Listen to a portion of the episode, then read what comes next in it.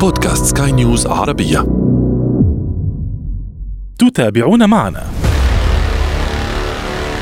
لابد من اختيار المسار البديل المناسب ولا يتم مضايقة المارة أو المشاة وكذلك تحلي بالسرعة المناسبة أثناء السير.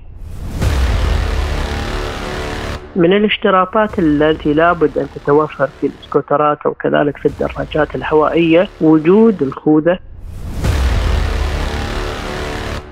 ووجود عواكس في مقدمة الدراجة أو في المؤخرة أيضا مع وجود سترة فسفورية باللون الأصفر أو الأحمر. محركات.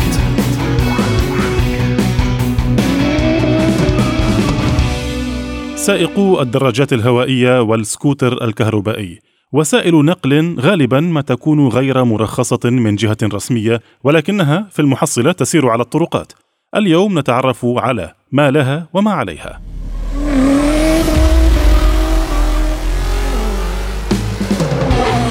محركات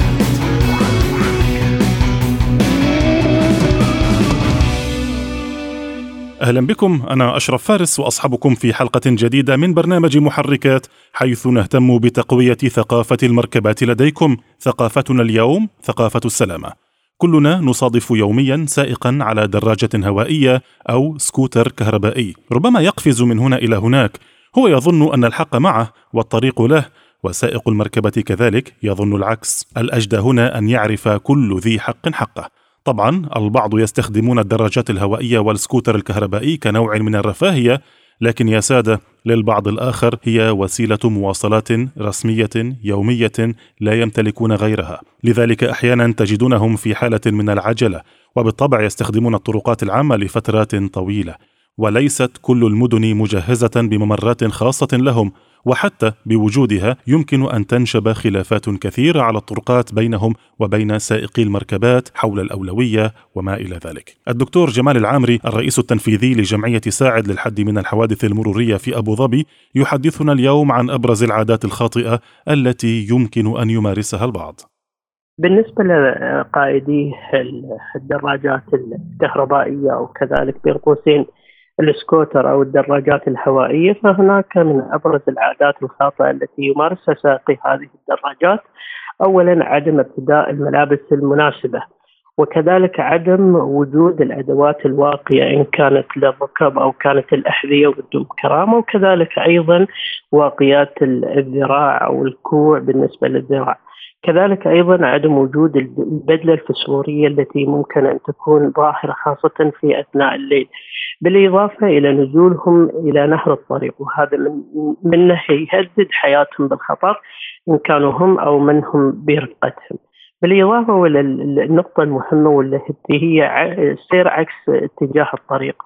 ومما يزيد المشهد تعقيدا وجود أكثر من راكب على هذه الدراجة إن كانت الكهربائية وكانت اللي هي الدراجة الهوائيه. فبالنسبة لهذه الحالات التي لابد أن يتوخى منها إن كان قائدي المركبات مثل هؤلاء الموجودين في نهر الطريق. دعونا نقف مكان سائق السكوتر الكهربائي.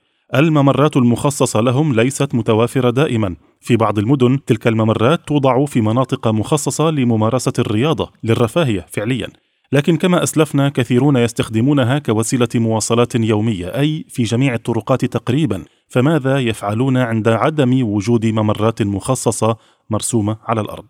بالنسبة الذي لابد أن يتم فعله من قبل سائقي الدراجات الكهربائية أو كذلك الهوائية أو بين قوسين سكوترات لابد من اختيار المسار البديل المناسب ولا يتم مضايقة المارة أو المشاة. وكذلك النقطة الأهم التحلي بالسرعة المناسبة أثناء السير. وكذلك أيضا النقطة اللي هي نحن ننتبه لها اللي هي تنبيه المارة والمشاة بوجود جسم متحرك وخاصة استخدام اللي هي آلة التنبيه الموجودة أو المثبتة على مثل هذه الدراجات أو المضافة من قبل مالك هذه الدراجة.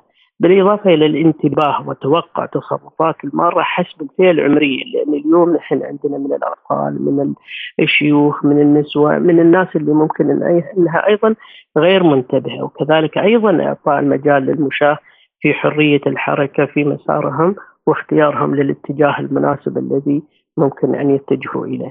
هذه من الأهمية بمكان بالنسبة لسائقي الدراجات التحلي بها أثناء عدم وجود ممرات مخصصة لهم.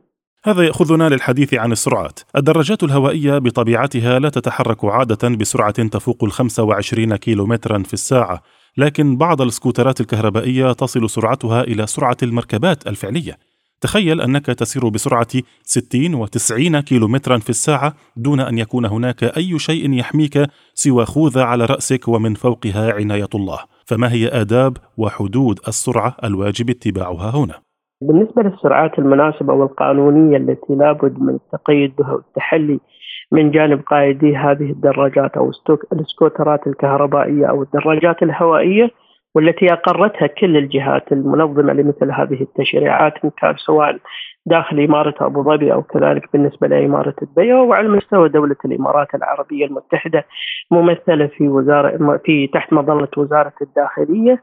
واللي هي السرعات المقررة ما بين اللي هو 20 كيلو متر في الساعة إلى سرعة 30 كيلو متر في الساعة. من خلال الممرات المخصصة لمثل هذه الممارسات بالنسبة لسائقي الدراجات الكهربائية أو الدراجات الهوائية في آن واحد مع الانتباه لوجود من الأجسام المتحركة من منهم في الجوار أو كذلك من المارة التي الذين ممكن أن يكونوا قاطعي الطريق في أحيان معينة.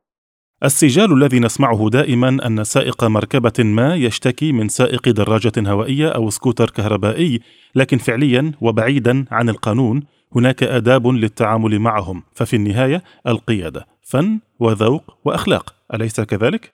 بالنسبة للموضوع المهم والذي هو تتحلى فيه أخلاقيات أخلاقيات مستخدمي الطريق. والآن أنا أذكر بالتحديد ألا وهم سائقي السيارات اللي هي موجودة في نهر الطريق.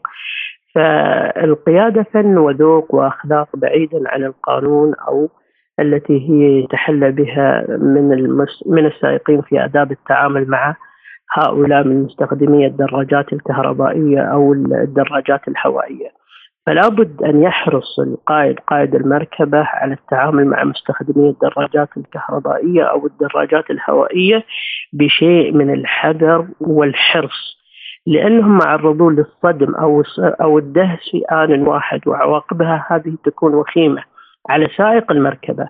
فلا بد من قائد المركبة وخاصة عند قيادته لمثل هؤلاء أو الذين أمامه من المخالفين وخاصة بعكس اتجاه الطريق إعطائهم المجال لإبعادهم من دائرة الخطر وتوجيه النصح والإرشاد قدر الإمكان حسب الفئة العمرية التي هم موجودين بها لأن ممكن أن يكون لا قدر الله أي منهم معرض لحالة من الدهس أو حالة من الصدمة قد تكون تداعياتها على سلامة جسم هذا المرتاد من سائقي السيارات من قائدي الدراجات الهوائية أو السكوترات اللي هي موجودة فدائما نعطيهم المجال في حرية التحرك أو التصرف. ربما من أهم مهارات قيادة المركبة هي التركيز دائما في مختلف الاتجاهات، لا تعرف من أين يمكن أن يأتي الخطر، والخطأ هنا في هذه الأمور قد يكون فادحا إن لم يكن قاتلا لأحدهم. الانتباه الانتباه هو أساس القيادة. بالنسبة للسائقين سائقي سائقي أو السائقين بشكل خاص والذين هم سائقي المركبات في نهر الطريق وخاصة أثناء وجود المهددات اللي نحن ذكرناها فيما مضى بخصوص وجود مثل هذه السكوترات أو الدراجات الهوائية بمختلف فئاتهم العمرية. قد لا يتحلون أو يملكون الوسائل التي ممكن أن تكون منبهة للسائقين خاصة في وجودهم بعكس اتجاه الطريق. فلا بد من من سائق المركبات على أو المركبة سائق المركبة أن يتنبه في عملية التعامل في مثل هذه الأحوال وخاصة في الطرقات الغير مضاءة بأن يكون بعيد كل البعد منهم وكذلك أيضا يعتبرهم من المهددات للسلامة المرورية وأيضا من عوائق التحديات على الطريق فيتعامل معهم تعامل الإنسان الذي ممكن أن يكون لا قدر الله في حالة وجود خطر داهم. فإعطائه المجال قدر الإمكان بإفساح الطريق له وكذلك أيضا تنبيهه للخطر الذي ممكن أن يكون هو موجود في هذه الأوقات وخاصة لو وجود أكثر من مركبة موجودة في نهر الطريق.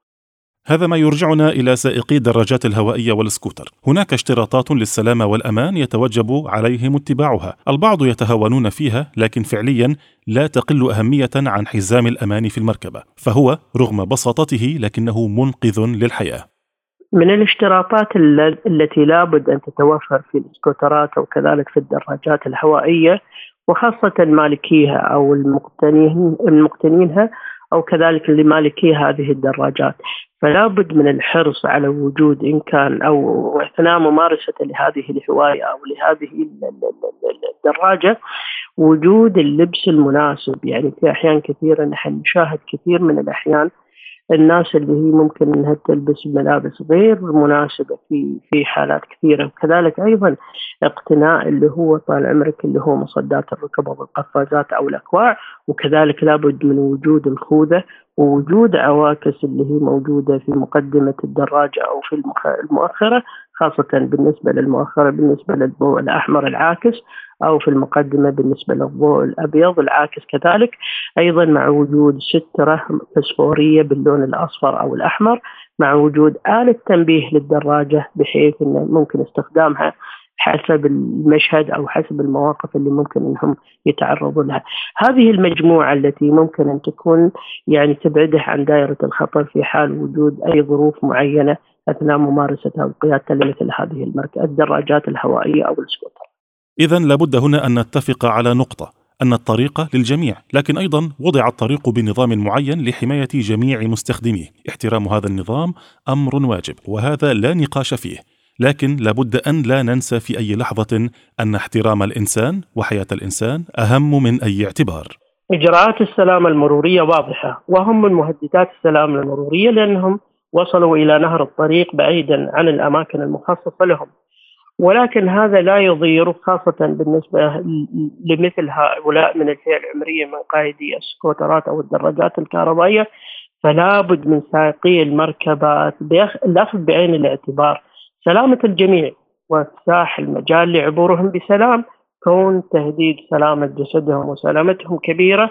بأي حال من الأحوال فلا بد من إعطائهم عملية المرور أو التصرف بحرية لغاية وصولهم إلى بر الأمان. في أي مدينة من المدن أو في أي مسار من المسارات أو في أي طريق من الطرقات لأن أيضا نحن نحسب حساب لعملية السلامة وسلامتهم هي في المقام والدرجة الأولى. بأي حال من الأحوال. محركات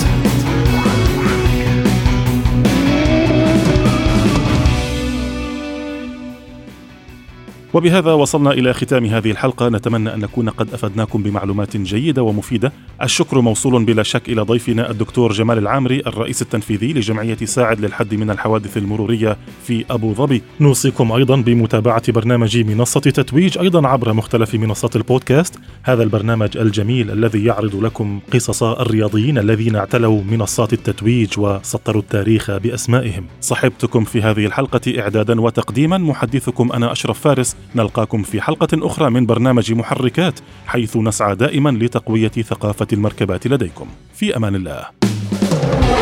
محركات.